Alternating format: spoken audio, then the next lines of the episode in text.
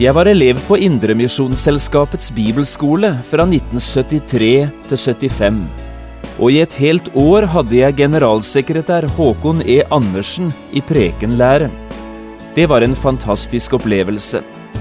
Håkon E. Andersen må ha vært en av de mest glitrende forkynnere som Norge har fostret.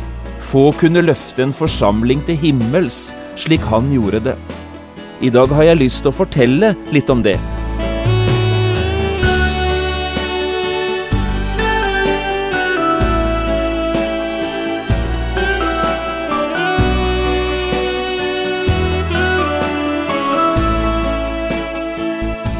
Hjertelig velkommen til et nytt program i serien Vindu mot livet. Programmet er produsert av Kristen Riksradio og blir ledet av Jon Hardang. Kristen Riksradio drives av frivillige gaver. Vi er glade for din støtte.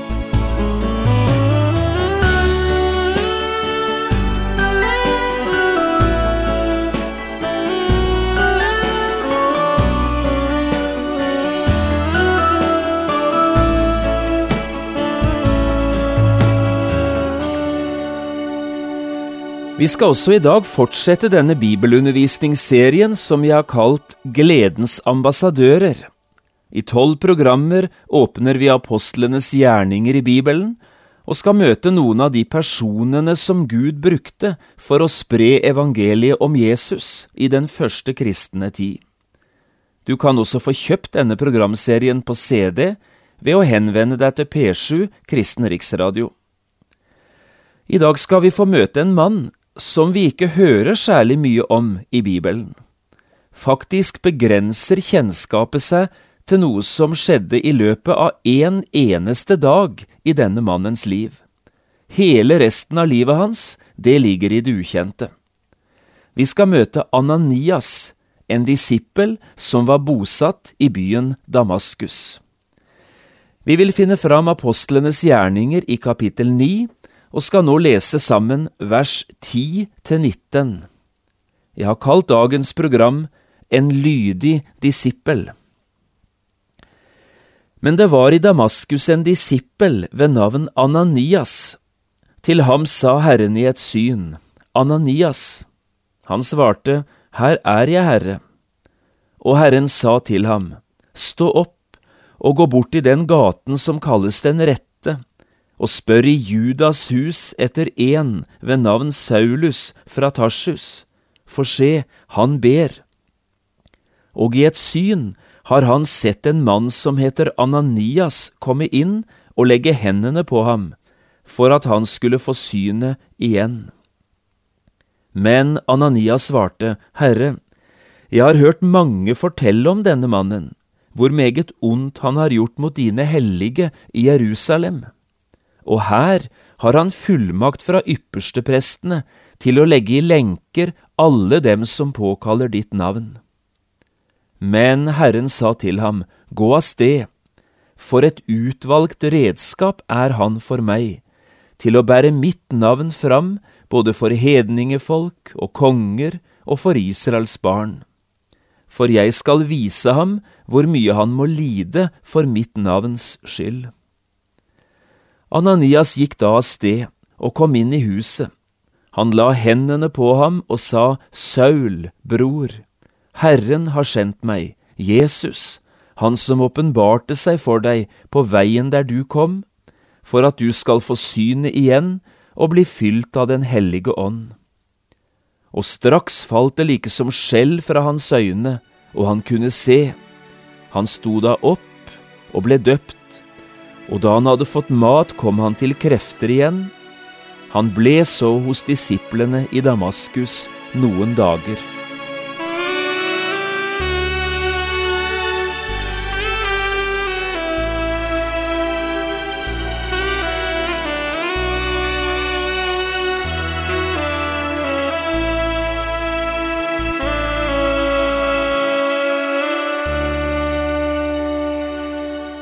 Når de i en del land, både i det nære og fjerne Østen, skal pløye sine jorder, følger de den dag i dag en skikk som de har praktisert i hundrevis av år. Bak en gammeldags plog, forspent med én eller to okser, går en bonde og styrer plogen. Langsomt legges plogskjær ved siden av plogskjær. Men en gang imellom hender det at oksen stanser opp og ikke vil gå. Eller det skjer kanskje at oksen vil ta en annen retning enn den retningen bonden synes om. Da har bonden med seg en spesiell stav som han bruker i slike situasjoner. Denne staven er forsynt med en spiss i den ene enden, og spissen kalles for brodden.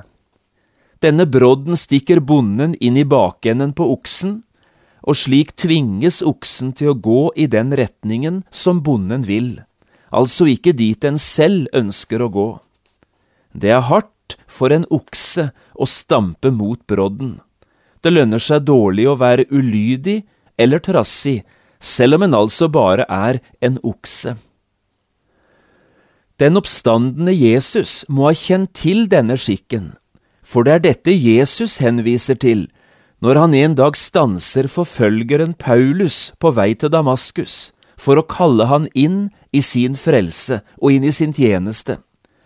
Du husker hva Jesus sa til Paulus, gjør du ikke? Saul, Saul, hvorfor forfølger du meg? Det blir hardt for deg å stampe imot brodden. Slik leser vi det ifølge Paulus sine egne ord i apostelgjerningene 26. På veien til Damaskus møtte altså Paulus Guds brodd, Guds kall. Og dette kallet, denne brodden, var det hardt å stampe imot.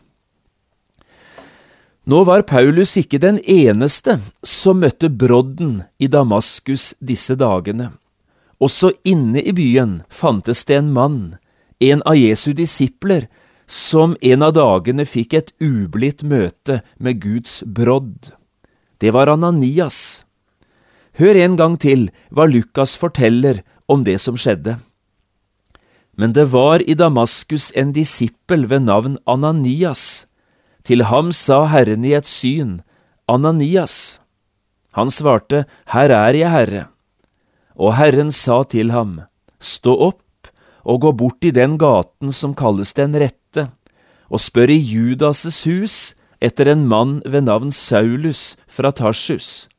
For se, han ber. Dette må ha kommet som et sjokk på Ananias, for dette navnet og denne mannen kjente Ananias meget godt til. Og derfor står det, Ananias svarte, Herre, jeg har hørt mange fortelle om denne mannen, hvor meget ondt han har gjort mot dine hellige i Jerusalem. Og her har han fullmakt fra yppersteprestene til å legge i lenker alle dem som påkaller ditt navn. Ryktene hadde altså gått foran Paulus til Damaskus. Her var alle de kristne klar over den trusselen som de nå sto overfor. Og Ananias, han er rett og slett rystet her sier Herren selv til han at han skal gå rett inn i løvens skap. Nei, sier Ananias, dette må være feil. Men Herren sa til ham, Gå av sted, uten diskusjon. Dermed var brodden festet, også i Ananias, Guds brodd. Og Ananias, han kjente stikket, nøyaktig slik Paulus hadde gjort det. Og samtidig det var hardt å stampe imot brodden. Det var tungt å skulle stå Guds kall imot. Derfor gikk Ananias, men eh, sannsynligvis var han både redd og skjelvende da han gikk. Men så får han oppleve, akkurat som Paulus gjorde det, lydighet er bedre enn ulydighet. Hvem var han egentlig, denne Ananias? Ja, det er ikke mye vi vet om han. Bare to ganger er han nevnt i hele Det nye testamentet. Det er her i kapittel ni i apostelgjerningene, altså det vi leste fra begynnelsen i dag, og så møter vi han i apostelgjerningene 22, i versene 12 til 16. Her er det Paulus som forteller om Ananias i sin forsvarstale i Jerusalem. Mer enn dette vet vi altså ikke om Ananias men inntrykket vi får av han, er at Ananias er en både ærlig og respektert kristen jøde i Damaskus. Hør bare på hvordan Paulus beskriver han i vers 12 i kapittel 22.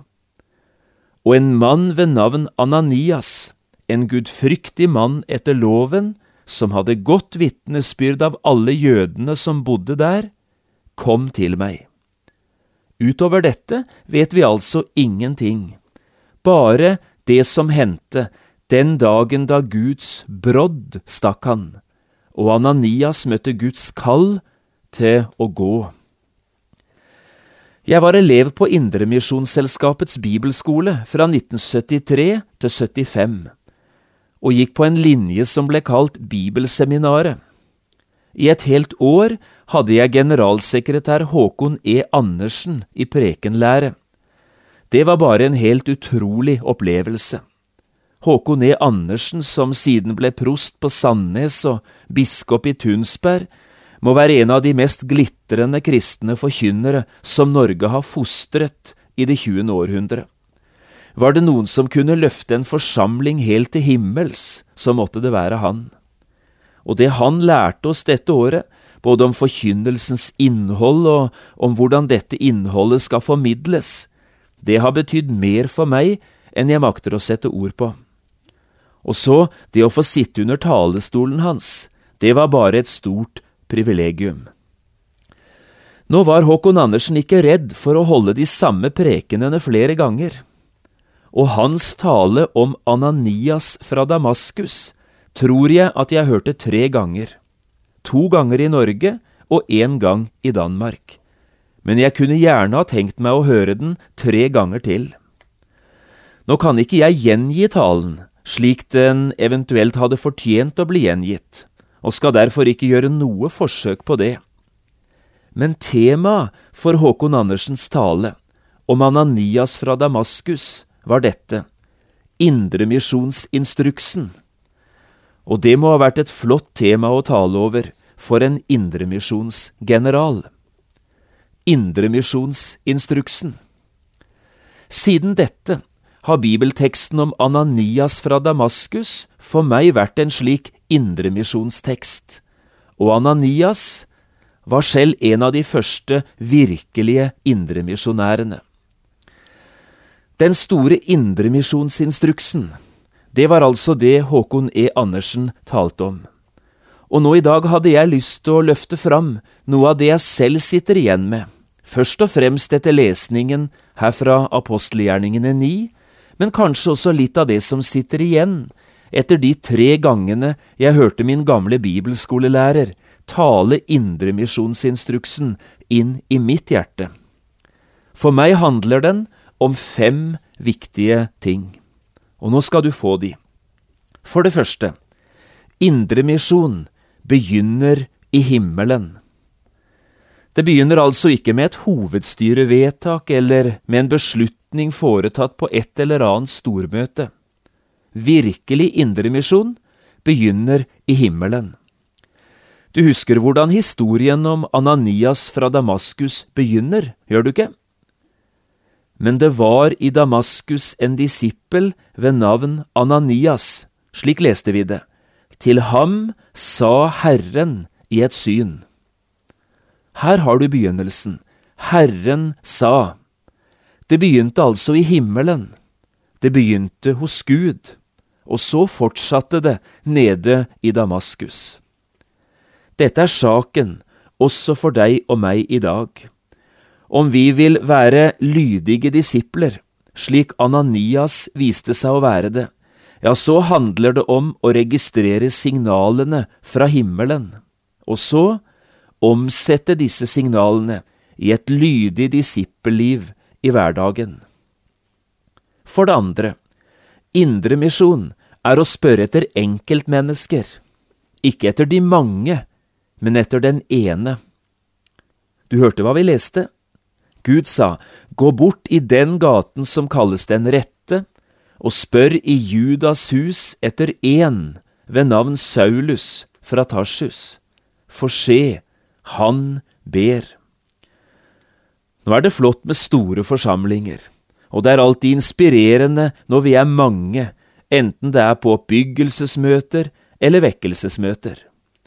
Men vi må møte Gud én for én, selv om vi er mange, og vi blir bare frelst én etter én, aldri i flokk, men bare som enkeltmennesker.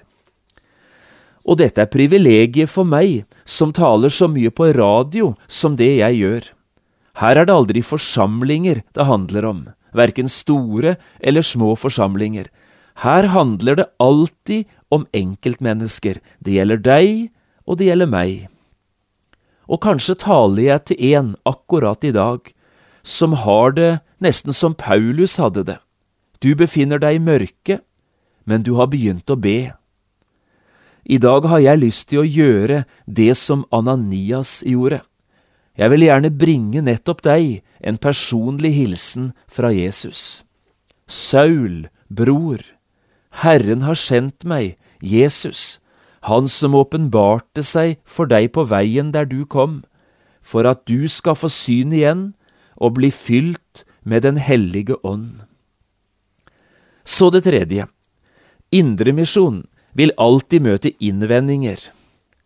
Noen ganger kommer de utenfra, fra de andre. Er det nå så viktig alt det dere snakker om? Alt dette med Jesus og dette med hans lidelse og død og blod. Er det så viktig dette at mennesker må bli frelst før det er for seint? Er ikke dette et budskap som er gått ut på dato? Det må da være andre utfordringer vi står overfor i dag enn disse gamle vekkelsens toner. Og andre ganger kommer motforestillingene innenfra, fra vårt eget hjerte og vårt eget sinn. Slik var det med Ananias, og kanskje er dette også den største hindringen for indremisjonærer i Norge i dag.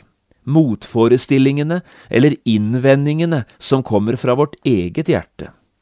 Herre, jeg har hørt mange fortelle om denne mannen, hvor meget ondt han har gjort mot dine hellige i Jerusalem. Eller sagt med andre ord, Gud, du kan da ikke mene at jeg skal gå, nå, og at jeg skal oppsøke en person som han. Men slike innvendinger, de er til for å overvinnes. Herren lar seg aldri imponere av våre mange fornuftige motargument. Stille lytter han nok til våre innvendinger, men så kommer det bare gå av sted, og du må gjøre det nå. For det fjerde, indremisjon er å være et redskap for Gud. Det er jo litt av et budskap Ananias får å gå med og for å bære fram for Paulus. Hør på dette. Ananias, et utvalgt redskap er han for meg, til å bære mitt navn fram, både for hedningefolk og konger og for Israels barn. Og sannelig skulle det ikke gå for Paulus, nøyaktig som Gud hadde sagt. Hvis det er en som virkelig ble et utvalgt redskap, ja, så var det Paulus og var det en som virkelig skulle bli forkynner av evangeliet for alle slags mennesker, ja, så var det denne forfølgeren som Jesus nå kalte til å bli misjonær. Nå er det ingen i dag som skal være et redskap nettopp på den måten Paulus var det. Han var et Guds redskap i sin generasjon. Men også i dag, i vår generasjon, trenger Gud nye, tjenlige redskaper. Han trenger villige tjenere, og dermed er spørsmålet vil du og jeg gå? Og så, Indremisjon handler til sjuende og sist nettopp om dette, å gå. Det handler ikke om vedtak og strategiplaner, ikke om nye ideer og gode metoder. Det handler til sjuende og sist rett og slett om å gå, verken mer eller mindre. Slik ble det for Ananias. Han gikk da av sted og kom inn i huset. Og nettopp dette er indremisjonsinstruksen. Det handler om å gå, hjem til sine egne, inn i byen, og så ut i den store verden. For det er dette som er lydighet. Først lytte til instruksen, og så gjøre det som instruksen gir meg beskjed om.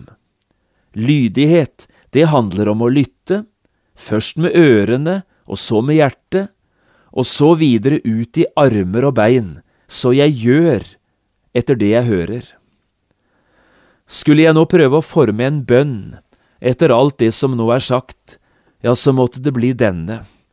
Gud, gjør meg lydhør for indremisjonsinstruksen, og gjør meg så villig og lydig så jeg går på den måten du ber meg om det. Og så til slutt i dag en helt annen tanke, som er både viktig og alvorlig å tenke igjennom. I apostlenes gjerninger møter vi nemlig to forskjellige menn, som begge heter Ananias. Det er først Ananias fra Damaskus, han som vi har talt om i dag, og så møter vi Ananias fra Jerusalem. Kan du huske hvem det var? Jo, Ananias fra Jerusalem, det var mannen til Safira. Det er dette ekteparet som hadde en eiendom som de solgte, og så ønsket de å gi salgssummen til menighetsfellesskapet i Jerusalem. Men disse to bestemte seg også for å lure unna en del av pengene. De puttet dem i sin egen lomme, og så skjer det tragiske. Først blir mannen, og deretter konen, spurt om summen de bar fram, virkelig er den rette summen og begge to, de bekrefter det. Men så avslører Gud på en ganske brutal måte deres løgn, og begge to faller til jorden den dagen og dør. Dette er en rystende alvorlig historie, og en slags kontrast til historien om Ananias fra Damaskus. Og kanskje du og jeg nå skulle prøve oss selv, når vi setter disse to opp ved siden av hverandre. Kunne du ikke nå spørre deg selv, hvem av disse to ligner du mest på, og hvem ligner jeg på? Ananias fra Damaskus var lydig. Ananias fra Jerusalem var ulydig. Den første Ananias tjente Gud, den andre tjente Mammon. Den første ønsket å ha fred med Gud, den andre hadde sluttet fred med synden. Ananias fra Damaskus levde i sannheten. Ananias fra Jerusalem levde i løgn. Den første Ananias ble frelst. Den andre gikk fortapt. Jeg spør enda en gang, hvem av disse to ligner du og jeg på? Og enda en gang føler jeg selv trang til å be. Herre, la meg ligne Ananias fra Damaskus og bevar meg så det ikke ender med meg som det gjorde med Ananias fra Jerusalem.